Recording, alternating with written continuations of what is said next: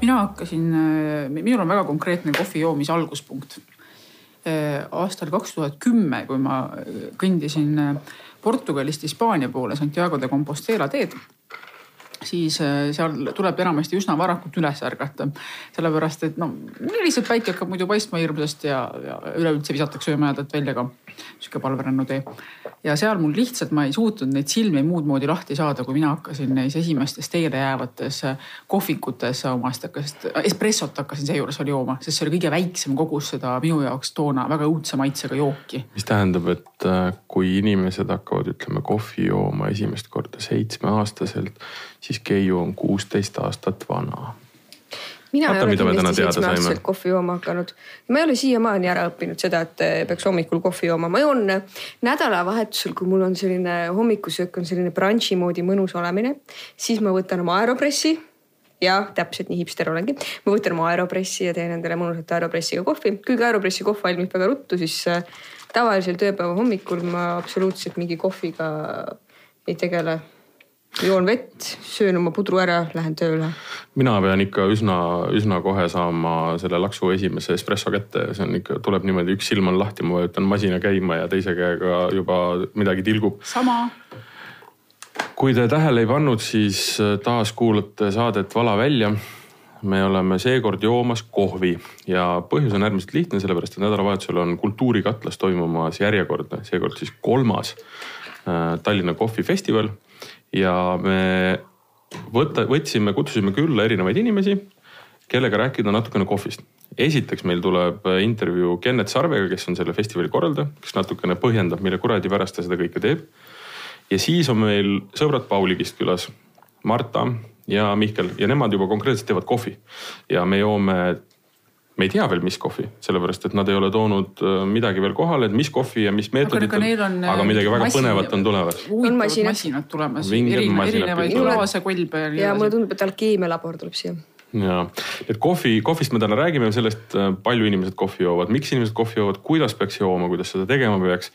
ja ka sellest natukene, et varsti see kõik võib lõppeda aga kardetakse, et kaks tuhat kaheksakümmend saab kohvi üldse otsa maailmast. alustuseks mina küsin teilt paar traditsioonilist küsimust, teeme nii. küsi. lihtne asi, kust tuleb sõna kohv? mul ausalt öeldes ei ole mitte õrna aimu. kohv, kohvi, kahve. Te võite pakkuda. araabia keel ja vot araabia keel on õige suund mm. iseenesest. sest järjekordselt see on tegemist ju destilleerimise, pressimise, jumal teab millega, noh et, et eks ta Araabiast on tulnud ja seal olid ka kõige targem, ei ole või? kas, kus, mis on kohvi päritolumaa? Keenia. ei uh,. nimi on araabika muidugi ma ei tea, Jordaania, ma ei kujuta ette. kus äh, Etioopia ja Etioopias on selline piirkond nagu Kaffa. Etioopia yeah.. ja see piirkond Kaffa, vot see on seos, aga, aga see omakorda on jah araabia sõna kahva, mis on mm -hmm, siis mm -hmm. marjajook või midagi sellist, marjadest pressitud jook. ühesõnaga Etioopiast on kohvi ja nimi on äh, araabia keelest. ja, ja siis on. spetsiaalne. ma eesti, eesti, eesti keele teemalise küsimusega kiirelt. kas te teate, kust tuleb sõna kohvik? kohvik, kohvik, ma tean, ma olen seda kuskilt lugenud, aga praegu täielikult põgeneb aga see peaks olema ikkagi. ma tean näiteks. sõnaga kohvi seotud, eks ju. jah, see sõna kohv, ütleme, et, et enne sõna kohvik kasutati näiteks sõna kohvimaja või kohvipood või mm. kahve. ma tean näiteks seda, et maailma lõpus on kohvik mm. -hmm, mm -hmm. kus me varsti kohtume kõik. on kohvik. nii, nii, nii, kohvik enne ei saa siin keegi mitte millegagi edasi minna. mis, mis sa mõtleks kohe kuidagi, me ei saa mõelda sinnapoole, ma mõtlen Venemaal armastavad nad ju hoopis teed, aga, aga ei, need igast. Kuidas on eesti keelde tulnud sõna kohvik? No ma olekski pakkunud, et vene keeles oh, sellepärast, et nagu. kohvik, kohv, kohv, koogi, koogi, mingi koogi või mingisuguse piruka läbi või? aga kui ma ütlen teile, kui ma viit-, mõtleme filmile Tulnukas ja selle, selle kõige popimale hitile.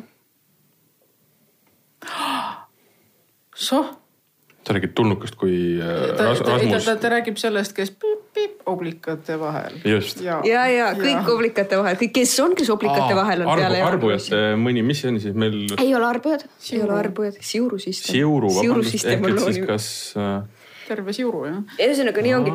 Artur Atsoni väitel, selle oblikamehe väite, Artur Atsoni väitel mõtles selle sõna välja Konrad Mägi. Konrad Mägi. Eh, kes põhimõtteliselt elas Werneris on pakutud ka Friedebert Tuglast. aga iseenesest see on siuru ja väidetavalt, väidetakse, et aasta on isegi teada ja see on tuhat üheksasada seitseteist. väga hea, kohv on Nii. õige kunstnik jook. mul on nüüd küll tunne, et tahaks kohvi kõigepealt tahaks kohe, veel kohe rääkida kohvist. no küsi, küsime Kenneti käest no, ära, mis ta, mis seal kohvi äh, asjal toimub ja okay. siis, siis ma loodan, me saame väga kiiresti kohvi, sellepärast mul on vaja õhtul veel teatrisse minna okay. ja ilma väikse kohvita mina vist sinna kohale ei jõua. selge, laseme Kenneti sealt ukse tagant tuppa, ta juba krabistab ja siis vaatame edasi kõike, mis saama hakkab siin.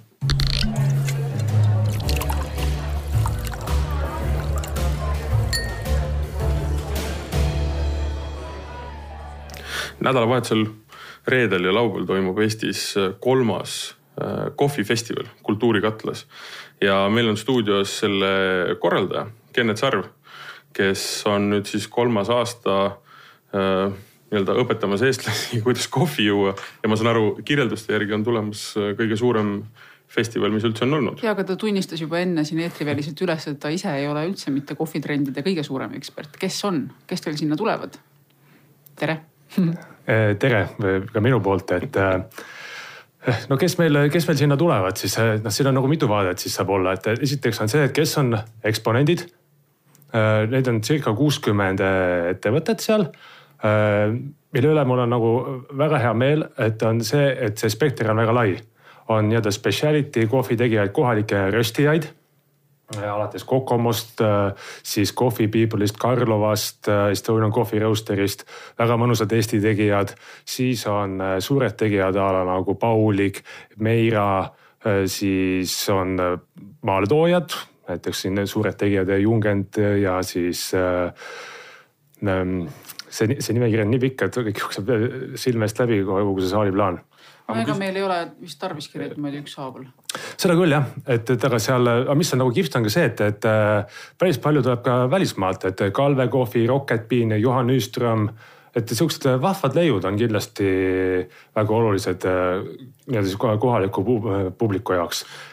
Ma küsin selle hoopis, et räägi kohe ära, kuidas see üldse kõik alguse sai, miks sa hakkasid tegema kohvifestivali?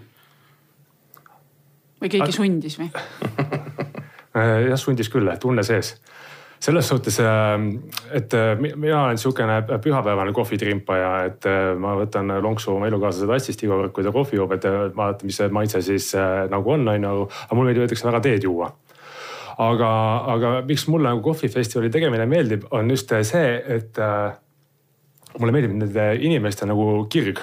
see on minu arust nagu nii kihvt et äh, mul teine põhitöö on see, et korraldame ka Tallinna toidumessi, mis iga aasta oktoobri lõpus on Eesti Näituste Messikeskuses. et tänu sellele ma käin ka teisi toidumesse maailmas vaatamas ja alati hakkavad kohvivennad silma. kihvt pakend, äh, kihvt väljapanek, hea story on taga et seal on nagu nihukest nagu vähe juhuslikkust, et minu arust on see nagu nii fun valdkond ja just minu arust hästi kihvt ka need, et vennad on nii kirglikud, et vahet pole, kas võtad Kokomost Rolandi või siis Pauligist äh, Marta. et noh, äh, absoluutselt eri taseme nagu tootjad, aga mõlemad on nii kihvtid äh, tegelased. kofeiini helk on kogu aeg silmis siis või? Ma olen kuulnud küll, et kofeiin pidi olema väga hea antidepressant, võib-olla see on kuidagi sellega seotud. ei, ma ei tea, kuna ma olen ürituste korraldaja, mis depressiooni mul saab olla nagu selles suhtes, et ei null pinge, nii et no.. me saame selle kohvi kohta küsida kohe Marta käest isiklikult, isiklikult, sest äh, Paulikist on meil kaks inimest äh, tulemas tegemas kohvi meile. aga sa ütlesid, et äh, on, on siiamaani kõige suurem festival, eks ju, on tulemas kuuskümmend erinevat inimest. et noh, see on alati küsimus, osalejad, vabandust, et kellel ta mõeldud on? Äh, no see on äge küsimus, et äh, jagame kaheks. Äh, esiteks on reedene pool päeva on ärikülastajatele. ärikülastaja on siin väga lihtne määratleda, kes on restorani, kohviku, hotellipidaja, siis jaekaubanduse ostujuhid ja nii-öelda kohvkontorisse sisseostjad et, et mhm, nemad mhm. saavadki tulla tutvuda siis uute maitsete trendidega. Neile räägitakse nii-öelda nagu teistsugust siis juttu mm. -hmm. ja pärast seda on üritus avatud siis kõikidele lõpptarbijatele, et kes on siis sellised äh, toidugurmaanid, kohvikunautlejad, äh, harjunud kultuuriüritustel käima. et ma arvan, et neil on kindlasti väga mõnus keskkond, kuhu tulla, et lisaks nii-öelda mõnusatele kuumadele jookidele on seal tead tuled ja lipud ja diižeid ja sihuke nagu väga mõnus äh, feeling oota, aga räägi natukene veel, mida ikkagi seal teha saab, ma vaatasin, väga kahtlased asjad olid kirjas teie pressiteates, et oi küll ennustatakse kohvi paksu pealt ja küll nagu, on mingisugune intelligentne espressomasin ja. hullumeelsem tegemine on cupping no see kõlab lihtsalt perversselt. no absoluutselt, nii et palun selgita ennast noh, ütleme niimoodi, et, et tegevusi on tõesti seal väga mitmekesiseid. eelmine aasta oli ka hästi populaarne, oli Türgi saatkonnas oli see kohvi paksu pealt ennustamine. see aasta ma kuulsin, et on isegi teinud eh, sinna eh, äpi selle jaoks, et sa tõmbad alla noh äpi, näitad kohvi, mis sul on ja see ütleb sulle vastuse, kuidas päev läheb. et ma arvan, et selles mõttes päris eh, fun element. siis noh, kindlasti on hästi palju niisuguseid tooteesitlusi ka ettevõtete enda väljapanekutes aga Martin, mis sa küsisid selle kapingu kohta, no minu arust on see hästi-hästi super fun värk et äh, kui ma festivali korraldama hakkasin, siis ma ei olnud sellega nii väga kursis, aga, aga nüüd noh, üks kihvtimaid võistlusi, mida vaadata, on kapinguvõistlus. et äh, kuidas profid seda lusikaga kohvi aja peale siis maitsevad, ühesõnaga väga lihtne süsteem. Äh, kaheksa setti pannakse ette sulle korraga. igas on kolm tassi, kaks on ühesugust, üks on erinev. maitsmise peale ütleb, mis, mis, milline on erinev, väga lihtne ju ei no ma tahtsingi tegelikult selleni jõuda, et üks asi on see, et sul on eksponendid, seal on väga palju ja. väga head kohvi ja teed. on seal ka võistlused ja cupping on üks võistlus, aga siis on ka latte art ja kas ma eksin, kui jälle mingi Eesti meister saab seal ka nii-öelda aumedali kaela või? Äh, no nii on jah, et äh, tegelikult äh, vaata selle latte juurde ma kohe tulen, aga ma ütlen selle cupping'u puhul, mis on hästi kihvt, on veel see, et kuidas need profid seda kohvi maitsevad. maru kiiresti ja see käib niisuguse mõnusa vilinaga mingi luristavad jah? jah, et see, ikka nagu tavalurin, see nagu mingi vilega läheb, et mm -hmm. seda on nagu nii huvitav nagu vaadata noh -hmm., et kuidas see käib ja kui sa siis ütlevad, et oi, see on erinev, see on sama, no noh, väga-väga kihvt noh äh, latte on minu arust väga kihvt sellepärast, et äh, noh, kõik on kõvad mehed, no kes siis ei oskaks mingit äh, roosi või tulpi või südant valada noh. ja siis tuled sinna kohale. ja siis need käed värisevad ja nad värisevad nii, et ei tule mitte midagi välja, noh. ükskord ma käisin Berliini kohvifestivalil, üks äh, mingi Londoni maast tulnud maailmameister rääkis latte arstist, ütles, et viis aastat ta käis kätt väristamas mm. -hmm. kuuendal aastal davai, nüüd võistleme noh Mm -hmm. et lihtsalt sul ei tulegi mitte midagi välja ja ma äh, tean, et mida see kohtunikud hindavad, on ka see, et kui täpselt äh, puhtalt on valatud seal ja lihtsalt, kui see kujund ei tule sul välja, sa pead täpselt valama ja käed värisevad, no siis ei juhtu seal nagu, nagu mitte midagi noh. üks paun südamest on liiga suur, siis ongi ei olegi midagi teha, teine koht ja koju minek no,. aitäh, et tulite aga ma tahtsin seda veel küsida, mis on nihuke noh, alati hea küsida, et äh, kas, mis sa tunned, on see esimesed kaks aastat seda festivali muutnud ka eestlaste nii-öelda kohvi tarbimise või harjumuses midagi, oled sa näinud, et et see on midagi teinud või on ta lihtsalt sihuke hea, väga äge ja ma kinnitan üli, üliäge nagu üritus on. lihtsalt sihuke äge kooskäimise koht, kus sa saad korraga pildi ette sellest, mis. see kohvi, loogika kõlab, kõlaks vist kuidagi umbes niimoodi, et seal viiakse inimest omavahel kokku ja, ja siis lõpuks lõpptarbija tänu sellele, et mingisugused restoranid on ja, saanud kokku ja, nende kohvimaaletoojatega. aga noh, ma mõtlengi, et kas sealt on a la lendanud keegi, mõni röstija noh, kuskile kõrgustesse või on, on mõni uus toode, mis on ütleme, ütleme, on, on avaldatud ava,, avatud või on nii-öelda tutvustatud seal ja on kuidagi täna väga populaarne. Äh, et seda nagu raske öelda, noh, ütleme, et jaeketti on sisse saadud küll noh, mis ma arvan, et on nagu päris mõnus, et äh, kui sa jalutad sealt, äh, näed Stockmanni või Selveri ostujuhti, siis mm -hmm. ikka räägid, mis, mis sulle nagu head on. aga ma arvangi, et mis sa nagu väga oluline on siis nii-öelda nagu ka lõpptarbija vaatenurgast on see, et sa lõpukski näed neid reaalseid tegijaid, neid trende ja kuuled neid kohvisaladusi nii-öelda, mida see valdkond niikuinii omab siis saadki lõpus küsida, ma ei tea, Annar Alase käest või Helge Raava käest või Raimondsi käest Kalve Kohvist või Ansise käest, kes Lätist kohale tulevad, on ju. et ja kuidas siis käib noh, see mm -hmm. tõeline kohvi tegemine nende vaatenurgast. ja kas tõesti ei tohi suhkrut panna kohvi sisse ja siis nad vastavad jah, eks siis vaata, mis. ja tõenäoliselt isegi mitte väga tigedalt, eks ju. ja, ja üldiselt äh, ma tunnen Eestis ka, et see feeling on väga positiivne, et kui ma käin ka mujal maailmas kohvifestivale vaatamas, see on alati niimoodi, et nihuke kõik on alati high five ja kõik tead. oo, mis sa tahad, proovi seda ja sihuke nagu hästi mõnusa feeling uga üritus on. kuule, aga selle, selle peale tahaksin siit välja visata, sellepärast et ma tean, et meil on ukse taga. baristad, baristad kolistavad ukse taga juba jah. Äh, Kennet, aitäh, et sa tulid, ma ütlen veel nii palju, et äh, kohvifestival Kultuurikatlas äh, reedel ja laupäeval. viis äh, eurot, ma loen sissetulek pääs viis, viis eurot. sissetulek jah. sissetulek, sissetulek. viis, viis eurot on nendele, kes soovivad äh, sinna minna nii-öelda lihtinimesena. meie kui gurmaanid ja hullud läheme sinna kutsetega. ja kui te tahate meid isiklikult näha ja kui te Kennetit tahate näha, siis tulge sinna tulge sinna, seal on lihtsalt väga palju head kohvi ja mina olen ja mõlemal aastal käinud. väga sõbralikud inimesed, mina olen kaks aastat seal käinud ja see on üks uskumatult äge üritus väga tore, aitäh, Kennet. ja aitäh teile ka. jah, festivalil näeme.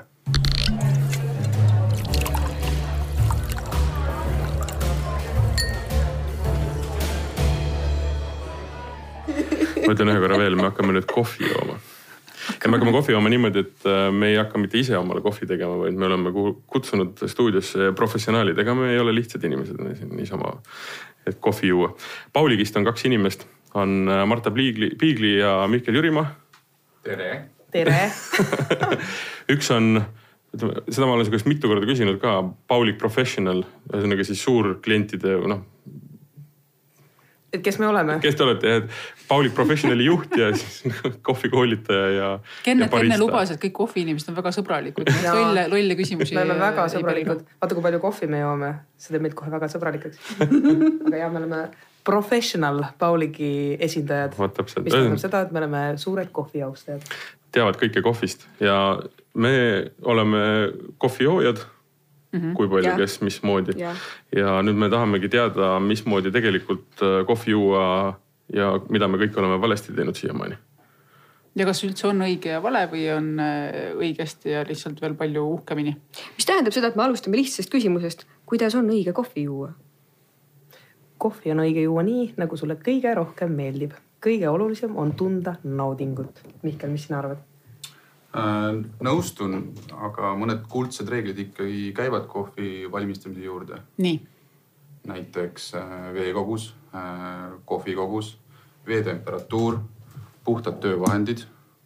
ehk siis neid punkte tegelikult on, mida, mida võiks jälgida, et see kohvinauding oleks veel parem. Nii ja kuidas selle klassikalise asjaga on, kas kas suhkrut tohib panna ja kas piimaga kohvi võib juua või on piim ainult selle jaoks, et saaks jänkusid joonistada vahu peale? mina joon piimaga kohvi peaaegu alati. oleneb, mida muidugi. kui espressot tahad maitsta või tahad kohvi eh, sellist tõelist puhast maitset eh, tunda, siis ei pea panema piima.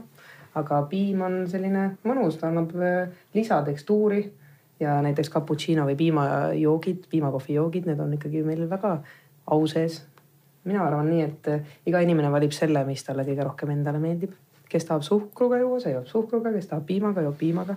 kõige olulisem on ikkagi nii, nagu ma alguses ütlesin, number üks reegel, nauding, see on kõige olulisem kogu nii toidu kui joogi puhul on kõige olulisem nauding. täiesti nõustun, et äh, ei, ei ole valet ega õiget, et kas suhkruga või ilma suhkrut, et täpselt see, mis sulle endale meeldib, see ongi õige, et äh, kui tihtipeale minult küsitakse, et millist kohvi ma soovitan, siis on seda keeruline teha, sest mulle endale meeldivad heleda röstiga kohvid ja pigem puuviljased, aga see maitse, mis sulle endale meeldib, ei pruugi üldse olla see, mis tegelikult äh, tavaliselt jood.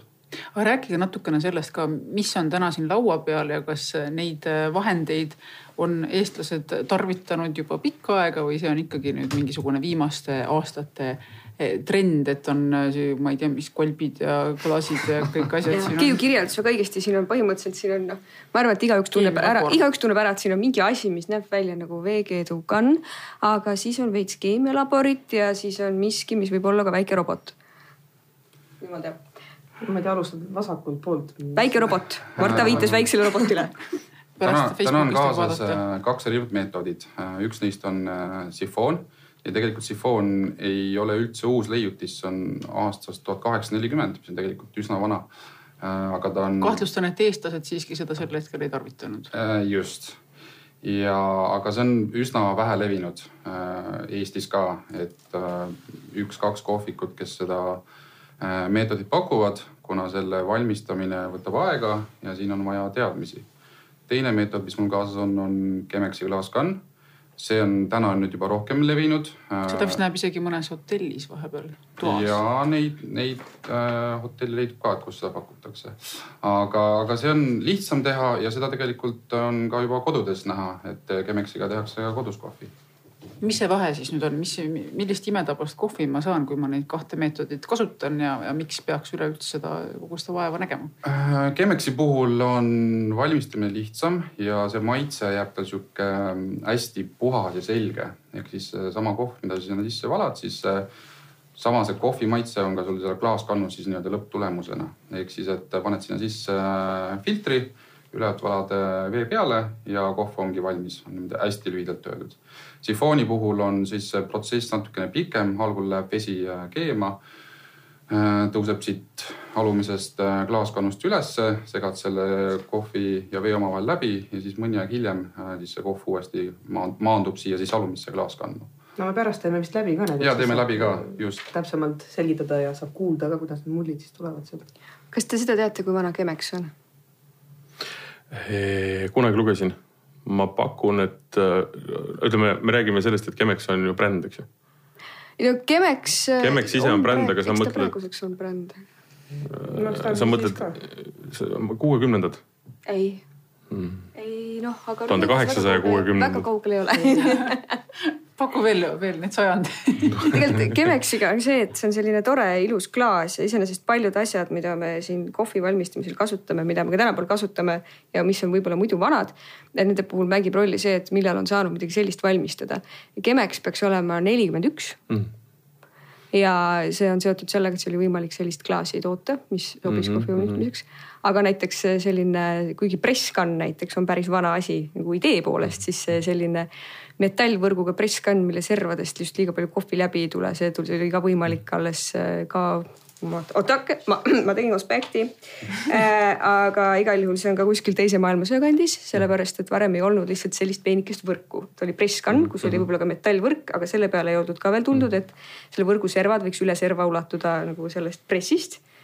et sodi välja ei tuleks ja kusjuures see sifoon, mis on nagu vaakumkann, selle esimesed variandid pärinevad üheksateistkümnenda sajandi esimesest poolest, isegi enne seda. mina tahtsin öelda sifooni kohta seda, et ma olen vaadanud Youtube'ist ühte videot, kus äh, mingi kutt tegi kohvi tegemiseks oma garaažis kahest äh, äh, lambipirnist sifooni see nägi üsna robustne ja rõve välja ja see kohvi ei näinud hea välja, aga töötas. selles mõttes, et kõik oli nagu toimis. aga mul on tunne, et Mihkel, äkki sa hakkad vaikselt toimetama ja, ja meile kohvi tegema mina küsiks hoopis seda, Marta, sinu käest, et ähm, mm, mis, mis on eestlaste kõige niimoodi nagu suurem erinevus kohvi joomisel näiteks meie naabritega? räägime soomlastest oma, oma kahekümnest tassist kohvist päevas või? kui sa mõtled soomlasi, siis meie kõige suurem erinevus, ma arvan, on ikkagi see espressomasina armastus.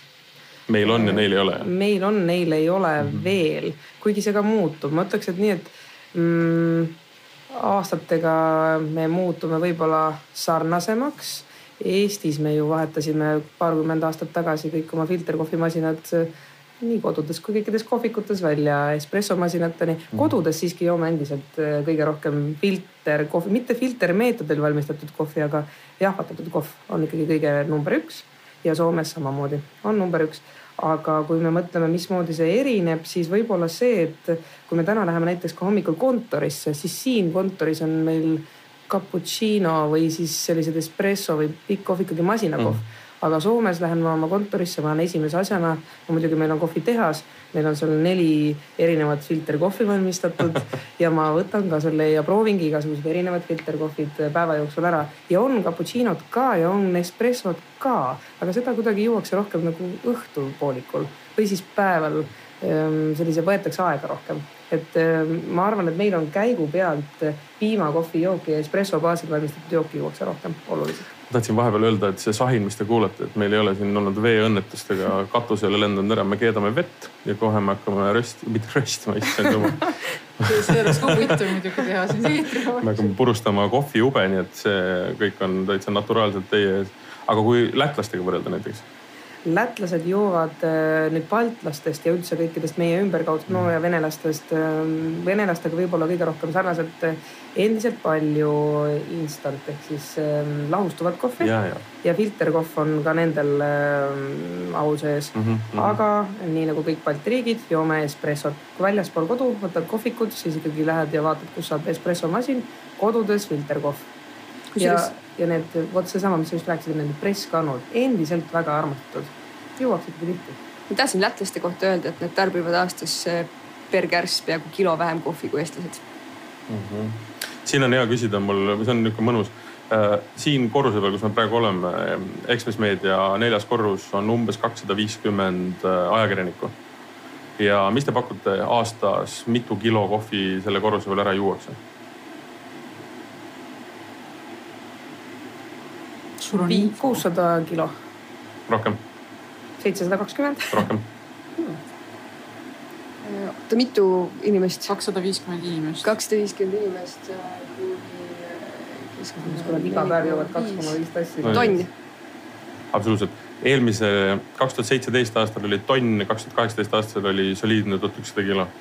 see, see võiks olla tegelikult eestlane, Eestis peaks olema kas neli koma viis kilo kohvi aastas inimese kohta kas nad joovad palju ka kodus? tarvitatud. või siis. aga ei, siin tuleb siis nagu aastas inimese kohta veidi rohkem no ütleme niimoodi, ajakirjanikud on ka lootusetud kuradi kohvijoodikud ja öeldakse, et ajakirjandust tehakse musta kohvi pealt, nii et. aga mitu tassi kohvi te ise joote päevas? mina joon näiteks viis, ma arvan vähemalt. Minul sõltub see hästi aastaringist, mida aasta lõpp tuleb, rohkem on mingeid pidusid ja möllu ja, ja ütleme tööd rohkem, siis äh, ma olen avastanud isegi umbes kaheksa kruusi peale ennast oh.. aga no ma pakun, et sellest kuus kruusi on ikka sihuke puhas motoorika mitte mingit vajadust selles ei ole, onju. et ma ise joon ju tegelikult veel seda külma kohvi ka veel juurde. Et siis tuleb neid tasse ikka päris Kuida, palju. kuidas selle kogusega on? kofeiini kohta on tehtud tohutult palju igasuguseid uuringuid äh, nii positiivsete kui negatiivsete mõjude kohta ja, ja neist, mida mina olen lugenud, on kuidagi peale jäänud rohkem positiivsed et nad on ka antidepressantidena mõju igasugused kõikvõimalikud org org organismile on kasulikud, aga mis need Teie teate ilmselt rohkem sellest, mis on kõige suuremad positiivsed ja kõige suuremad negatiivsed näidustused? No mis on ikka kõige positiivsem, miks me seda joome iga hommik, on see, et ergutab teiseks ma arvan, et väga suur osa on tegelikult ikkagi sellele, et ta tõstab tuju. just sellepärast, et mitte, et tal selles, kas tal nüüd seal sees see on, aga see, kui sa ikkagi seda kohvi jood, see on harjumus, ta toob sulle tagasi mälestused. kõik need aroomid ja maitsed, mida me kohvi seest otsime, need eh, on tegelikult ju meie meenutus lapsepõlve. lisaks torgib dopamiini no jah, tegelikult nii ongi ja siis ta tekitabki sellist rõõmutunnet, et ma arvan, et see on nagu kõige olulisem aspekt kogu juures ja kõik, miks need uuringud Äh, sinna kõrvale, no see on alati selleks, et me saame iseendale tõestada, et miks ühte või teist toitu juua või mitte juua mm. -hmm. ja siis sa saad sealt alati leida, kas on negatiivne, positiivne, et ikkagi. aga ikkagi, mis, mis on halvad küljed? No ma usun, et see, et kui sa seda liiga palju jood, et äh, näiteks siin nagu Martin ütles kaheksa tassi, siis võib tekkida võib-olla veidike ärevust. Vapruse värinaid, motoorikahäireid. pisut tekitab jah. Martin näeb ka väga kena ja rahulik välja. aga kohviga ma olen ainsa nii-öelda siis äh, substantsiga elus saavutanud selle tunde, mis on nii-öelda see cold turkey või siis äh, äh nii-öelda ära jääma nähud ehk et äh, ma, ma ei mäleta, mis see episood täpselt oli, aga ütleme umbes, et neljapäeval kuidagi oli kiire, ei joonud hommikul ega päeval kohvi. reedel läks kuidagi samamoodi, ma olin kuskil ära. laupäeval umbes noh, mingid asjad kokkulangevus ja siis pühapäeval ma mäletan, ma käisin koeraga jalutamas ja ma tunnen, kuidas pea lõhub valutada. ja lihtsalt nagu hirmus on olla ja lihtsalt lõhub valutada. ja ei suutnud ära tajuda, et milles see kõik on. ja siis lõpuks tuli meelde, et ma ei ole joonud kohvi umbes kolm päeva. ja siis nagu narkar seisin ühe tuntud äh, tanklaketi ukse juures, hoidsin kahe käega, väriseva käega seda suurt kohvikruusi ja valasin seda omale sisse nagu kuradi joodik. vaat kui hea hakkas kohe peavalu mina... läks ära, ergas oli, värve hakkasin nägema. see on tegelikult üsna teinud. karm, üsna karm sõltuvus, mis meil sellest on äh, aga me kunagi ei saa sellest teada, seepärast et me tegelikult noh, kui sa tarbid ka ühe tassi päevas, on see kõik fine, eks ju, minu, mina tarbin üldiselt nagu null kuni kümme, mulle tundub. Sest mina hommikuti näiteks kohvi ei joo kunagi.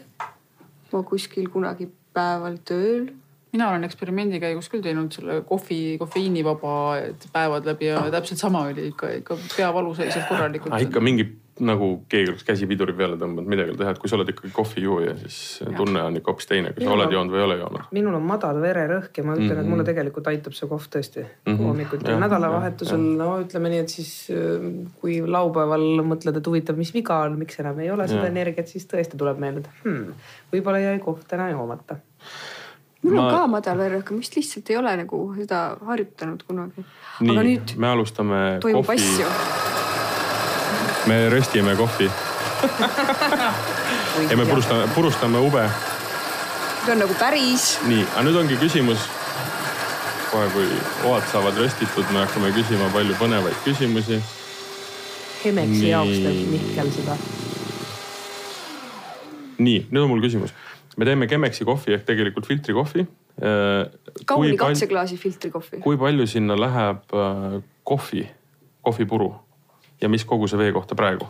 Äh, praegu läheb viiskümmend grammi kohvi ja kokku seitsesada grammi vett. ja sellest saab siis mitu portsjonit kohvi? sõltub tassi suurusest mm, -hmm. aga sihuke see Chemeksi kann on mõeldud kuuele kuni kaheksa liitrise mm. -hmm et see, mis, mis see vahekord ongi, ütleme kõige normaalsem äh, filtrikohvi saamiseks äh, puru versus vesi? Tuleks kasulikku õpet ka. erinev äh, valmistusveetud määrab veidikene seda veekogust, aga noh, ta nii ongi, et seitsekümmend grammi liitrile. praegu no, on sul siin näiteks natuke vähem. pigem sihuke saja milliliitri vee kohta kuus-seitse grammi mm. -hmm. siin jälle pole sihukest ühte kindlat äh, reeglit, see sõltub, kas on nagu kangem kohv, meeldib natuke lahjem, et aga umbes. okei, okei, selge. tahtsin veel öelda selle kofeiini kohta, et mina lugesin hiljaaegu artiklit, kus oli öeldud, et kolm-neli tassi äh, kohvi on see, mis on äh, siis mitte kahjulik su tervisele, et see on siis nagu mõistlik juua et Martin, võta natukene hoogu maha. tead, et siin Kemeksi kohta öeldi seda, et Kemeksi leiutaja nimi on lihtsalt nii tore, et ma pean selle ette lugema. Schlumboom. härra Schlumboom. see kõlab nagu Schlagbaum Aga... Schlumboom oli üli, üliagar mees ja ta tegi muuhulgas lisaks Chemexile, tal tema patentide hulka kuulub ka näiteks kokteilishaker autodesse. ma mõtlesin, et kas ta, kas tema oli üks nendest kuttidest, kes näiteks selle Chemexi lõi hoopis selleks, et ma ei tea, selles filtreerida mingi, ma ei kujuta ette, et see on, ütleme kaasprodukt mingisugusele hoopis kolmandale asjale. ei, ta lõigi selle täiesti kohvi mm, -hmm. kohvi jaoks ja siis see oli juba väga kohe, kui see, kui ta selle lõi, oli see väga hinnatud disaini ka,, kaunis disainividin ka, nii et näiteks paar aastat hiljem eksponeeriti seda MoMA-s okei okay., äh, järgmine praktiline küsimus. Äh, nii, äh, purustatud oad ehk puru on pandud filtri sisse, lisatakse vett mis see normaalne nii-öelda filtri või kuidas seda määrata, seda filtri tihedust, et ja kui kaua see vesi peaks seal kohvi nii-öelda puru peal olema ja, ja sealt tilkuma, et ta tuleks nagu mõistlik? Sest üks asi, mis ma olen või noh, mis on väide, on see, et näiteks kui teha ka presskannu kohvi, et siis äh, mõistlik aeg on noh, ühesõnaga, et kui sa puru peale vee ära valad, segad läbi, kohe pressid välja tõmbad alla. jah, et sa ei hakka, sa ei hakka üldse liiga kaua ootama, et noh. aga vastupidi, tegelikult peaks natuke ootama. neli minutit umbes. no ja kolm-neli minutit, et mm -hmm. äh, kohvi maitse tekib millest, sellest, kui kaua kohvi vesi kokkupuutes on. Kui sa seda liiga kiiresti, siis järelikult jääb mm -hmm. su kohv natukene liiga vesine ka. ja Chemeksi puhul samamoodi, et tegelikult see vesi peaks sellest äh, filtrist läbi jooksma siis circa sihuke äh, neli minutit mm, -hmm. no pluss-miinus okay., natuke alla, natuke rohkem ei ole hullu. okei okay,, aga nüüd, kui me vaatame näiteks nende pakkide peal olevaid ka neid äh, röstiastmeid on ju sel, see röstiastmest sõltub ka ju noh, sõltub maitse, sõltub nii-öelda see aroom, kofeiinisisaldus ka, eks ju. ja ta veidikene tõuseb jah. siis äh, ka, nüüd, nüüd kas seal on nüüd ütleme erisus selle vee ja siis äh, puru kokkupuute aja suhtes? sul on hea küsimus, et sellel äh, vanasti oli väga selgelt öeldi, et on espresso röst ja on ikkagi filterkohviröst, et mida mhm. heledam, seda rohkem ta filterkohvi meetodil, mida tumedam, seda rohkem espresso meetod täna me eksperimenteerime nii palju, et me oleme jõudnud selleni ju tegelikult, et äh, igast äh, röstist saab mõlemat teha, nii mhm, filterkohvi mm -hmm. kui siis espresso. Ähm, pigem oleneb jälle maitsest, et see jahvatusaste võib-olla nii palju ei olene sellest, et mis äh, röstimise astmega ta on, pigem see, et milline maitse on see, mida sa sealt välja tahad saada. no näiteks võtame siin, meil oli vist Columbia siin laua peal ka, Finnish Brewers Cup ehk siis sai Soomes ähm, teise koha ähm, on Columbia kohv, ta on esimese röstimisastmega, ta on selline hästi hele, aga mm. iseenesest, kui sellest äh, nüüd äh, kui ta temast teha väga peene jahvatusega, siis ta lihtsalt jookseb liiga kaua filtrist läbi ja ta ei võta mitte seda maitset, mis tal peaks olema, selline magusus ja mõnus mm -hmm. marjasus, vaid ta tegelikult toob seda sellist kibedust või sellist ja. Äh, mõrksust juurde. et, et sellepärast on väga oluline, et see jahvatusaste on vastavalt ähm, kohvi röstimise astmele ja vastavalt sellele valmistusmeetodile. eelkõige valmistusmeetod on see, mis määrab ära, missugune jahvatusaste on vaja aga no röstimisaste oleneb ikkagi, millist maitset taga siis aetakse rohkem mm. -hmm. kui teha selline kiire kohvi abc üleüldse alguseks, et äh, mis meil on, meil on erinevad röstimisastmed, meil on äh, klassika, see araabika ja robusta jah ja.? et kui te nüüd niimoodi kiiresti kolme lausega selgitate ära algajale, siis mis on mis? kui, kui ma tahan oma peas mingisugust kofeiinitabelit teha, kohvitabelit, siis äh, mis on need peamised mõisted, mida ma peaksin teadma? no kofeiini sisaldus on võrdlemisi sarnane kõigile, et seal nagu väga suurt erinevust pole. aga kust tuleb erinevus mängu, on see röstimisaste ehk siis, et kas on heleuba või tumeuba või jahvat kohvi. ehk siis mida heledam su kohv on, mida sa kasutad, seda rohkem on erinevaid maitseid selle kohvi puhul tunda. on see siis õun, sidrun, ükskõik milline muu puuvili. ja tegelikult, mida tumedamaks sa kohvi röstid, seda vähem maitseomadusi selle kohvi puhul tunda on. et tegelikult minu soovitus alati ongi, et pigem proovida natukene heledamat rösti, et seal natuke no, maitseomadusi on selle kohvi puhul äh, rohkem. ja teine nõuanne oleks see, et äh, vaadata ikkagi seda jahvatusastet ka, et Pauligil on kõikidel pakenditel peal äh, märk, millise meetodi jaoks antud jahvatukohv siis mõeldud on, on ta siis presskanno jaoks, on ta siis inkapp rahvakeeli pätikohvi jaoks mõeldud et äh, pätikohvi jaoks siis natukene peenem puru, presskannu jaoks natukene jämedam puru ja Chemeksi puhul samamoodi, et ma jahvatasin praegu natukene jämedama puru, sest muidu nagu Marta rääkis, juhtub see, et see kohv jookseb liiga kaua läbi siit ja siis ta hakkab seda maitset ära rikkuma, et ta mhm. enam pole see, mis ta olema peab.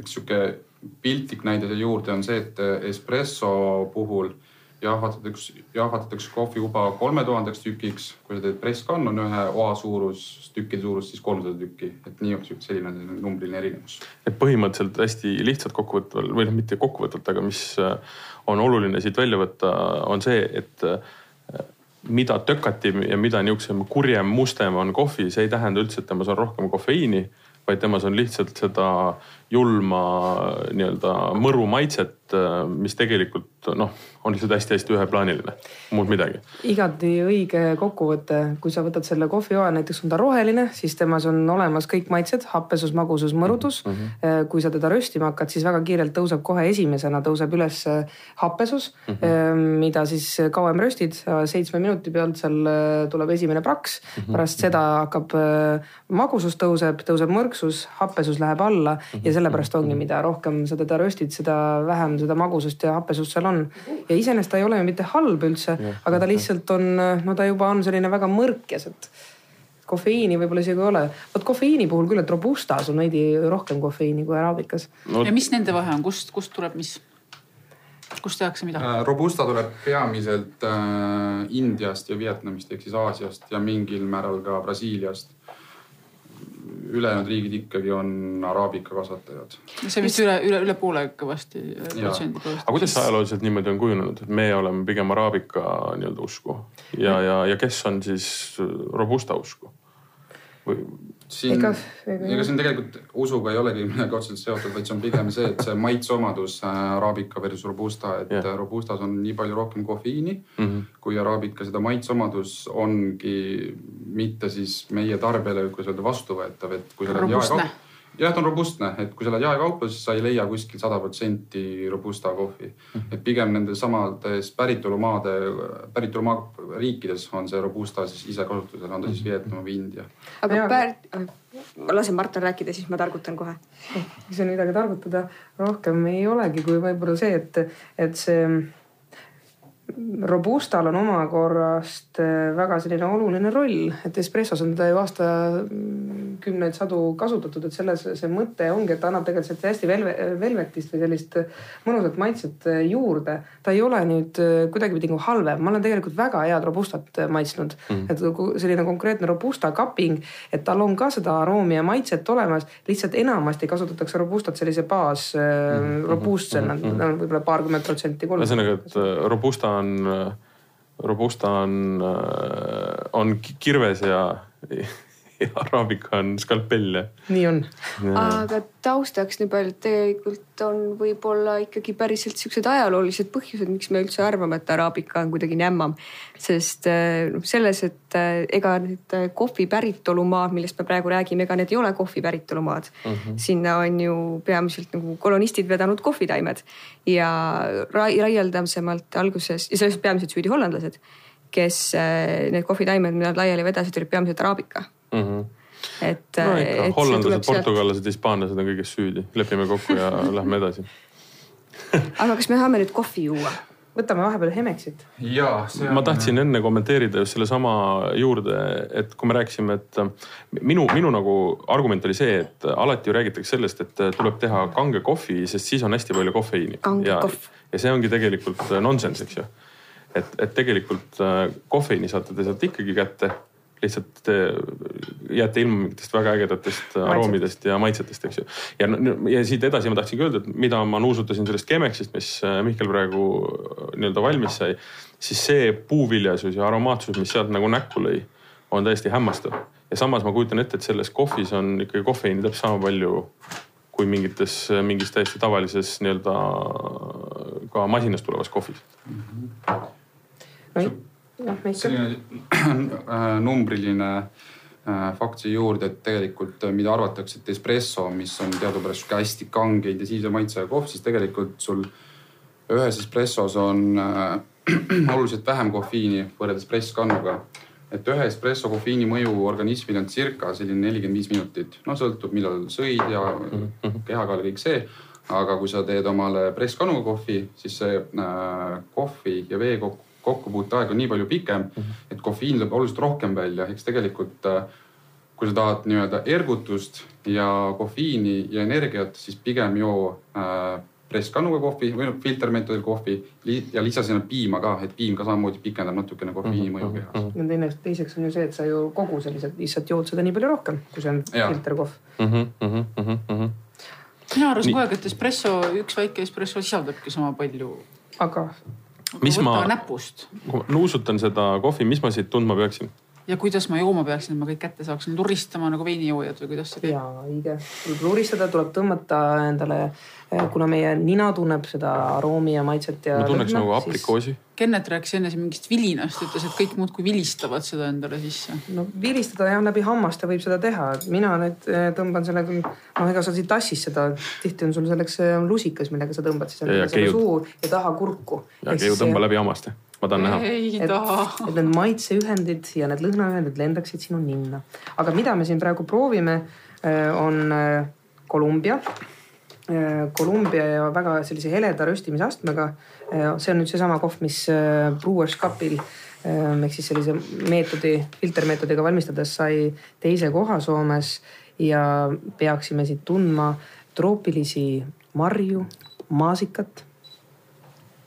Tunnete? tahtsin just öelda, et happu nagu Soome kohv, aga maitsval moel.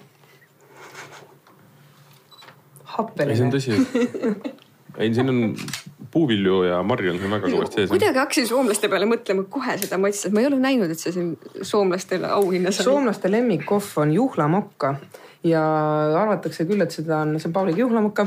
siinkohal tervitan kõiki. minu lemmikkohv ja ta saab pimetestides ja professionaalsetel kapperitelt alati meeletult kõrged punktid ja sai ka ta muuseas sellel samal Soome nüüd kohvide võistlustel väga kõrge koha, tuli sinna äh, esitippu ja pimetestides inimesed ei tea, et arvavad seda, et noh, et see on ikkagi tavapärane, aga, aga see selline Soome maitse mm, ei olegi mitte üldse kuidagi äh, halb, vaid nendel on, nad on harjunud neid maitseid ja marjaseid maitseid tundma. meie oleme harjunud kuidagi rohkem selliseid tumedamaid ja nüüd läheme selle teed, et võtame Hemexid ja proovime erinevate meetoditega. aga selline aga, aga selle, selle loogika järgi me oleme ikkagi jäänud ju tegelikult ilma väga paljudest maitsetest, äh, mida tegelikult soomlased ikkagi naudivad. kui me seda väga nii-öelda espresso, noh, ütleme espresso espressoks, aga ütleme, kogu see nii-öelda masinakohvi on ikkagi üsna nii-öelda robustselt üheplaaniline. Ju no kui nii öelda, kui nii, nii julmalt öelda, siis võib-olla isegi tõesti, et ega see ühes asjas kinni olemine kuidagi meid edasi nii-öelda maitse naudingutel ei vii ja ka soomlased proovivad täna ju erinevaid maitseid, ega nad ei ainult heledat ei joo, nad joovad ka tumedat. enam ainult hapud kohvi? ei, nemad joovad erinevaid. Äh, puuviljast, ma õppisin jälle uue sõna. puuviljast, happelised, aga meeldivad ka tumisemad ja näiteks äh, siin see Mundo äh, pähkline ka heledad, aga just seda, et see heledus ja sa proovid erinevate maitse mm,, maitsekombinatsioone ja sealt sellest heledamast läheb tumedamani ja siis mida ja seal ka ei saa jälle panna liiga palju seda kohvi, siis, siis sa juba kibedusega siis äh, rikud ära, enam ei tunne seda maitset. kas te teate, kas ma vist ei öelnud enne, kui palju kohvi soomlased aastas tarbivad, kas ma ütlesin? üksteist tuhat vist oli või? üksteist, üksteist kilo inimese kohta. üksteist kilo. kaksteist. kaksteist kaksteist, siinkohal on e-, väga erinevad kohvitabelid tarbimise kohta, sellepärast et kaksteist kilo ei tõlku igas riigis üheks samaks koguseks nagu kohvitassideks, sellepärast et kohvi tarbimise viisid on väga erinevad. siinkohal ma ütlen, et Mihkel on asunud valmistama šifooniga kohvi. ja see näeb välja väga ilus. see on nagu jõul, see on nagu jõulupuu. püüame selle üles ka pildistada ja siis paneme pärast oma Facebooki lehe, et oleks natukene aimdust ka selle jutu kõrvale, kuidas see kõik välja näeb. see on imeilus. sellepärast siin vahepeal plõksud ka käivad. kui kodus on šifoon, siis pole kaminat vajagi. Siis ei ole kaminat vaja aga kui äh, nüüd rääkidagi nii-öelda sellest äh, filtrikohvist, siis tegelikult üks asi on ka see, et kohvi nii-öelda match imine toiduga on üks hästi oluline nagu asi, mis on ka tõusnud nüüd tänu sellele, et noh, kõiki asju pannakse kõigega kokku. Ja see tegelikult ikkagi nõuab äh, väga teistsugust kohvi, väga teistsugust äh, nii-öelda maitsebuketti, et sa saaksid selle toidu kokku panna, sellepärast et seda kirvemeetodil tehtud kohvi, noh, sa võid ju selle kõigega kokku panna, aga tulemus on ikka üks, on ju. Et kas see, millal, millal see nagu rohkem meile jõuab, sellepärast näiteks ütleme nihukest kohviga match imist, toidu ja kohvi match imist, ma arvan, ma olen ühe korra Eestis kuskil näinud.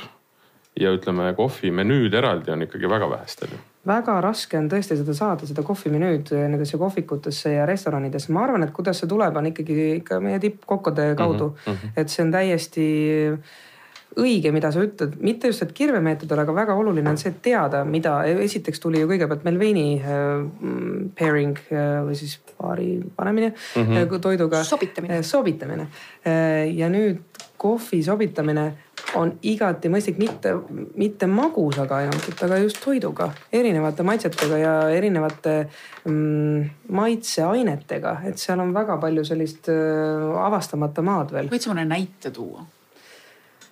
No ma kujutan ette, et näiteks minule maitseb Rwanda väga. Rwandas on endas sellise spiciness või selline mm, vürtsisus ja kui mhm. seda vürtsisust nüüd panna kokku mõne vürtsika toiduga, miks mitte ka mõne India toiduga, siis ta annab sellise väga põneva maitsekoosluse. mitte ainult seda, et sa lihtsalt ei, muidu ei tunne seda maitset ära, et kui sa paned vürtsika toidu kõrvale näiteks sellise happelise kohvi nagu näiteks puuviljas, mida me siin äh, jõime või võtame Tansaania näiteks, et siis ta lihtsalt mm, keel ei, ei suuda seda vastu võtta, ta lihtsalt tekitab sellise mm -hmm. dissonantsi mm -hmm. suus ja sa ei, sa ei saa sellest mitte mingit naudingut, aga mm, -hmm. aga selle peale veel väga palju ei tulda, et tihti on see, et küsid äh, ka kohvikus või restoranis, et mis kohvi teil siis äh, pakutakse.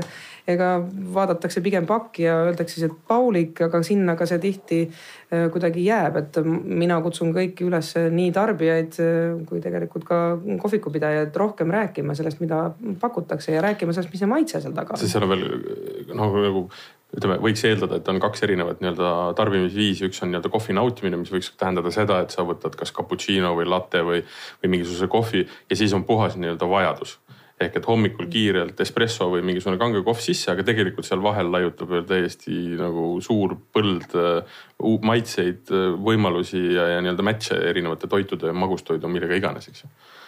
et see osa seal vahel on nagu natuke kadunud.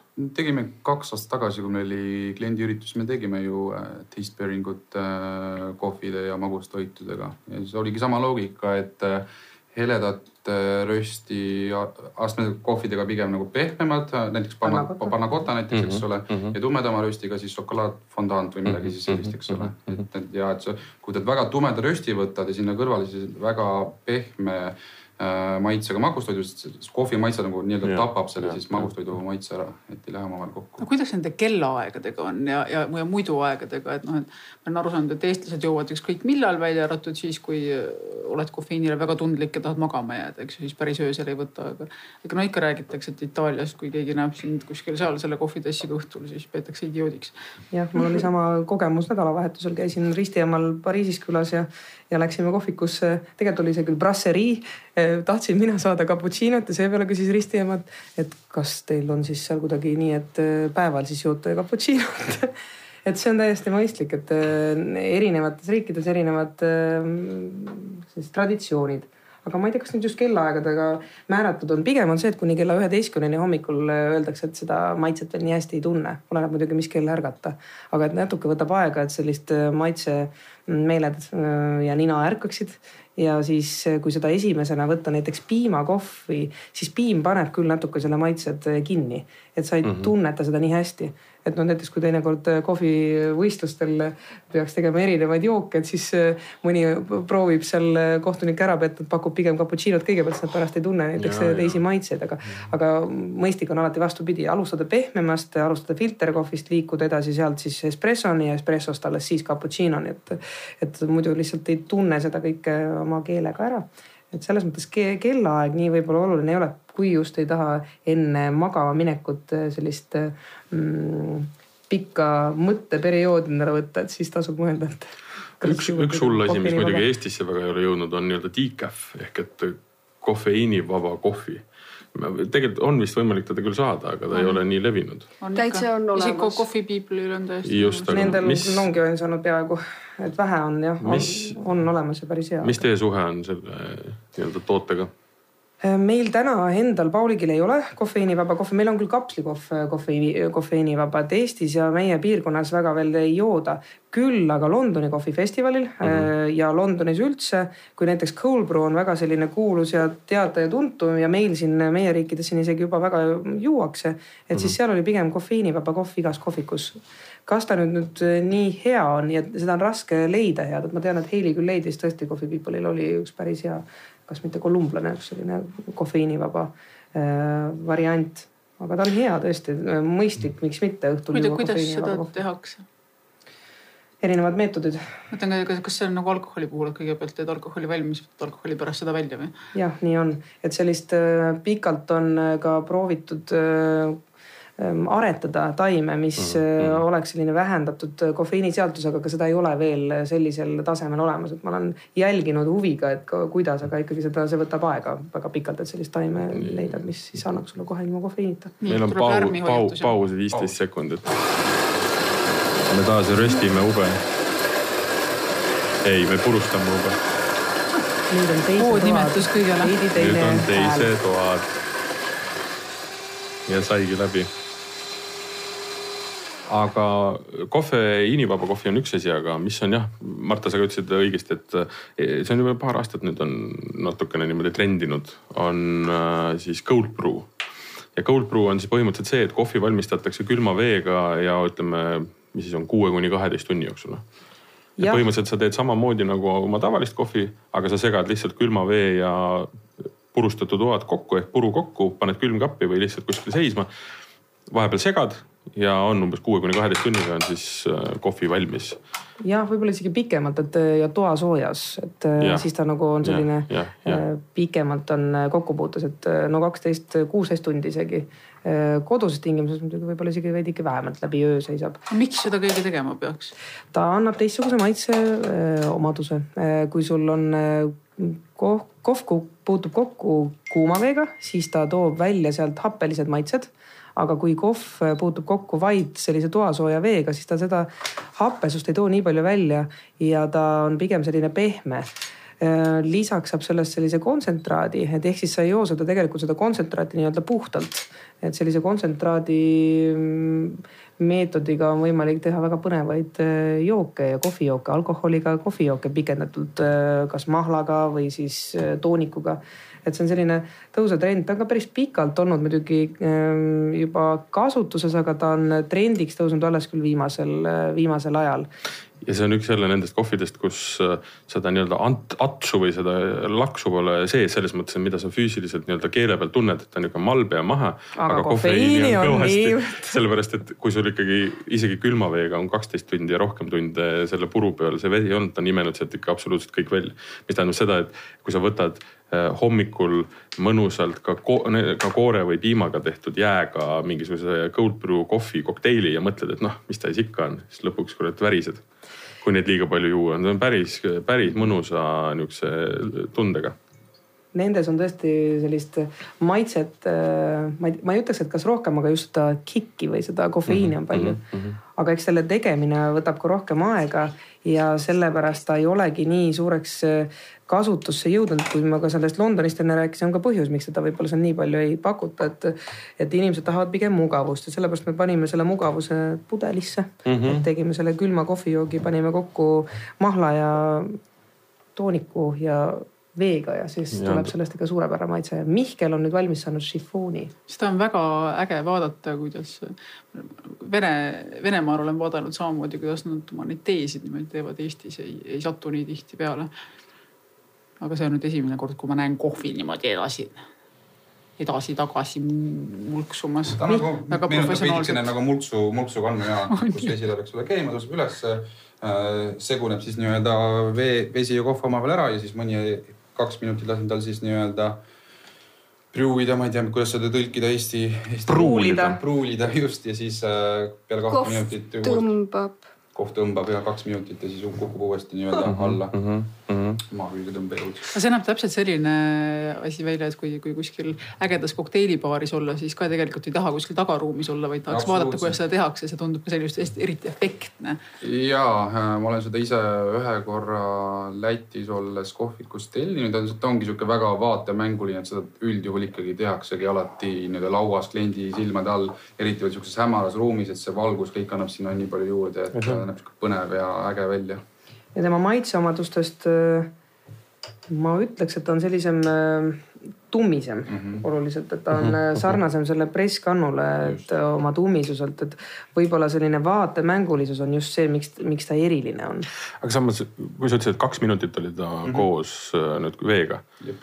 ja, ja ta on tõesti selle võrra tummisem ütleme, kui see, kaua see Chemexis äh, nüüd see kokkupuude oli korra, nojah, ta valgus sealt läbi, tal, ta ei olnud korraga ei, ei, ei pruulinud sealt. just, täpselt jah.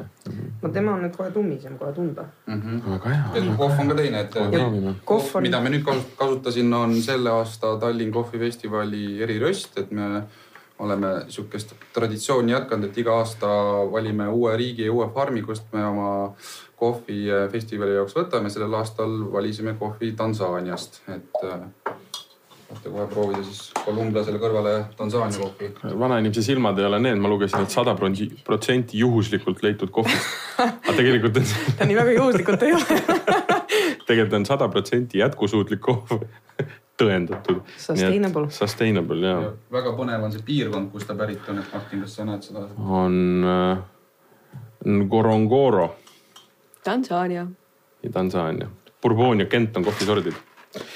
nii, aga ma tahtsin tegelikult veel ühte asja küsida, et uh, full disclosure, me, mina ja Marta oleme samal kursusel käinud, kursavend ja kursaõde. ja nüüd täiesti ootamatult tema ajakirjandusest me jõudsime mõlemad nii-öelda toidusektorisse ja ja välja ei saa. aga, aga, aga oligi noh, umbes selline, et me läksime ju peale ülikooli laiali ja siis äh, mingil hetkel tuli välja, et äh, Marta on äh, maailmameister. mis aastal? Good Spirits ja see oli kaks tuhat üheksa. kaks tuhat üheksa ja, ja siis tekkiski küsimus, et noh, et, et kuhu kõik inimesed nagu uttu on tõmmanud ja millega nad tegelevad. et äh, räägi, kuidas sa jõudsid üldse kohvi juurde ja siis Mihklile sama küsimus. kuule, ma jõudsin kohvi juurde läbi kommunikatsiooni asusin tööle kohviettevõttesse, kommunikatsiooni ja, ja. ma kogu aeg, miks see naljakas on see, et me õppisime kommunikatsiooni ülikoolis läbi kommunikatsiooni, seepärast ongi väga põnev, aga ma selline põnevam, kuidas ma üldse hakkasin seda kohvi rohkem jooma, eks sind ikkagi huvitab see, millest sa ju räägid. Ja ma asendasin juhuslikult Anna Ralast, kes on tänase Coffee People'i inimene, äh, kohvikapingu ehk siis kohvi maitsmise võistlustel, kuna ta jäi haigeks mm. -hmm. ja sealt ma tookord selle võitsin niimoodi ootamatult ja siis äh, selline süveneb, vaata, kui sa juba midagi millessegi sisse lähed, siis sealt enam välja ei saa. ja kohv on ikkagi nii põnev maailm, et äh, me Mihkliga oleme järjest, võtame ka uusi huvitavaid suundi ette ja Mihkel on siin teinud nii palju maailma tasemel sertifikaat endale kohvis, et äh, meil on täna stuudios Eesti äh, rohkemate ja kõrgemate sertifikaatidega pärjatud äh, kohvivalmistaja Mihkel Jürimaa. väga hea, et seda varem ei öeldud, mina ei oleks muidu üldse julgenud siia sisse astudagi sa peaks need rinda panema kõik. eks ole. ja, ja absoluutselt kõik kind,. kindral meil on see, meil on, me oleme üldse kogu Pauligi töötajad, kõik on sada protsenti barista sertifikaatidega mm oleme sellise võtnud Mihkliga ette, et Mihkel on meil tubli töö ära teinud ja teisi ka kaasanud. et see on oluline aga enne seda, kui sa sertifikaat, sertifikaadid said, no sa ei saanud neid päranduseks, eks ju. et äh, kuidas sina jõudsid kohvi juurde? ma alustasin kohvikus baarmen slaš äh, barista ehk siis sealt hakkas ta vaikselt niimoodi kasvama ja siis äh, ühel, ühel hetkel olin ootamatult äh, Pauligis kohvikoolitajana. Ja täna olen olnud viis aastat selles karussellis ja kohvimaailmas sees ja, ja endiselt on väga palju õppida ja avastada, et näiteks kuu, kuu aja pärast lähen ma Keeniasse kohviistandusse. kuuks ajaks. kuuks mm. ajaks siis farmeritega mm Äh, käsikäes tööd tegema, et aru, aru saada, mis seal päritolumaal toimub, mis nad, mis nad teevad seal selle jaoks, et see kohv meieni jõuaks, et kuidas seda araabika taime hooldada ja kõik see kaasa teha mhm, siis mm -hmm. farmeritega. väga põnev. Viimane küsimus. Äh, räägitakse, et kahe, kaks tuhat kaheksakümmend saab kohvi otsa. kas meil on tõesti hirm? peaks jooma kogu aeg kohvi nii-öelda söögi alla, söögi peale ja natuke söögi kõrvale või on see natukene ka sihuke nafta jutt, et kogu aeg räägitakse, et neljakümne aasta pärast saab otsa? Ja ta päris nafta jutt ei ole, ta on ikkagi päris tõsine jutt, et kui äh, meil lihtsalt kliima soojeneb ja kui me ei, selleks midagi ette ei võta, et me õpetaksime ja õpiksime paremini kohvitaimi ähm, siis kasvatama ja ka õpetaksime nende maalihete ja kõikide kliimamuudatustega toime tulema, siis tõesti see võib nii olla. kuigi täna me teeme nii palju tööd äh, üle maailma erinevate kohvitootjatega me näeme iga päev selleks vaeva ja aitame selleks, et oleks meil tegelikult see kohv ka olemas. aga mhm. igaüks saab seda muidugi omalt poolt ka teha, et see mitte niisama ei olnud see jätkusuutlik selle pakendi peal, et see on väga oluline, et, et me ostuprotsessis jälgime ja ostame tõesti ainult jätkusuutlikult kasvatatud kohvi, et muidu mhm. meil tõesti ei pruugi seda kohvi enam olla või vähemalt mitte sellisel tasemel ja, ja, või siis on teda väga vähe ja selle hind lihtsalt mhm, kunagi on hoopis midagi muud. aga ma usun, et täna tehes kõik nagu näha, Eestis Tallinna kohvifestival on iga aasta aina rohkem külastajaid tõmbav mm, -hmm. ligi tõmbav, et ma usun, et meid kõiki väga huvitab kohv ja me seda armastame. ja ma usun, et, et me ikkagi tulevikus saame ka head kohvi juua ei tohi vist unustada, et me joome kohvi igal pool, eriti aga siin sügaval Põhjamaal, aga kasvatada saab seda väga väiksel alal korralikult. ja mäed lähevad aina kitsamaks ja kitsamaks ja osa, kus kohas neid kasvatada, et seepärast on väga oluline jälgida, et, et mida me oma mm, -hmm. mida me teeme oma nii-öelda Äh, enda toodetega ja kuidas me siis tarbime, et me ei reostaks rohkem, kui on vaja meie enda jaoks. kuna nädalavahetusel on, äh, õigemini reedel ja laupäeval on kohvifestival Kultuurikatlas, siis äh, Pauliga on seal väljas kindlasti, eks ju. mida põnevat seal konkreetselt näha saab? Sparklingud ehk siis pudelisse pandud külmpruulitud kohvijook roibosega mm -hmm. ja ingver sidruniga rohelise tee baasil et need on selline põnev uudistoode, mis on sellise toreda ajalooga. eelmise aasta kohvifestivalil me tegime ähm, käsitsi, valmistasime sellise koha peal ähm, cold brew baasil mm ma, mahla ja erinevate selliste sidrunimahla lisandiga joogi ja see kõikidele nii väga meeldis ja meil oli selline mõte, et miks mitte seda arendada edasi ja sealt sündis siis ja see ongi nüüd see, mis see pudelis on? Need on meil pudelis ja wow. pudelis on wow, wow. Äh, nii, et see selline väga sarnase maitsega ja väga sama äh, baasiga cold brew sparkling coffee jook, mida eelmine aasta sai nii-öelda uudisena, siis täna mm. on ta veel rohkema uudisega, on ta meil pudelis mm. ja lisaks on need teejoogid ka, et, et kuna inimesed armastavad nii kohvi kui teed, et siis meil on kaks teejooki ja üks kohvijook ja selline põnev sest, sest eelmises intervjuus Kennet ei osanud öelda, mis on suurt läinud maailma sellelt festivalilt et ma ütlen nüüd ausalt, et see, kui me eelmine aasta seal neid maitstud sai, siis need olid tõesti väga-väga head ja need ongi nüüd konkreetselt siin pudelis. no osaliselt nii väga on tõesti, et seesama see Cold Brew äh, Sparkling, et äh, see on sellesama, äh, sama tiimiga tehtud, et meil on selline huvitav ja tore ettevõte, et Pauligis, et ei ole nii, et kusagil keegi teeb, et me mhm. ise teemegi, need ise need blendid Super. on meie enda tehtud ja needsamad tootearendused, et see on väga selline ja, ja, ja. tore, et mitte ei ole niisama, et saame kokku ja vaatame ainult, mida me siis näitame koha peal, aga me tõesti tõesti mõtleme koos tarbijatega, millised oleksid need uued. me maitsesime Liisaga ära, see on äh, mõnus limonaad. see on hirmus mõnus sidrunilimonaad. ja suvi tuleb. täiesti suurepärane ja mis on kõigi kolme suur pluss, on see, et seal on väga vähe suhkrut. just vaatasin ära. puhta, puhta maitsega. ja see rooibose variant jääga on ka värina vastu väga hea.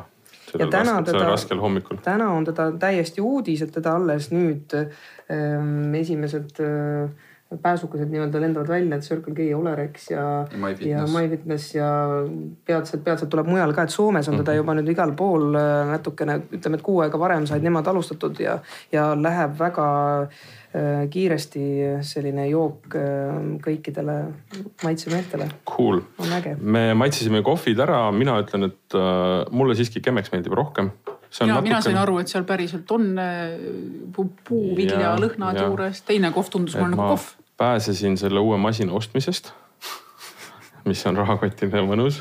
Äh, kas äh, te tahate midagi öelda lõpetuseks? ei, mitte, mitte, ütleme head aega ja siis. ja ma ütlen ka, et puuviljane kohv võib olla päris maitsev, ei olegi kole hapus. ei, väga hea on mm. -hmm. Äh, aitäh, Marta. aitäh, aitäh, Mihkel. aitäh kutsumast tulge kõik Kultuurikatlasse kas reedel või laupäeval on äh, kohvifestival, seal saate kõiki meid näha, kõiki neid näha. jah, keda, keda ühelt pool letti, keda teiselt pool letti ja nii edasi. ei saa näha, mina olen Võrumaa metsades. ja, aga, aga kõik kohvid saate sealt ära proovida ja üldiselt on see kõik äh, tõesti väga hea, nagu me ka vist veinimessi kohta ütlesime samamoodi, et seal on kõik inimesed on meeletult sõbralikud, keegi viltu ei vaata, kui sa ei tea, kuidas, kust, kust tuleb uba ja kuidas teda röstitakse ja mis tast edasi saab. küsige, et teile öeldakse aga me tõmbame nüüd otsa kokku. kohtumiseni reedel. me joome seda kohvi siin edasi ja järgmisel korral juba räägime teistel teemadel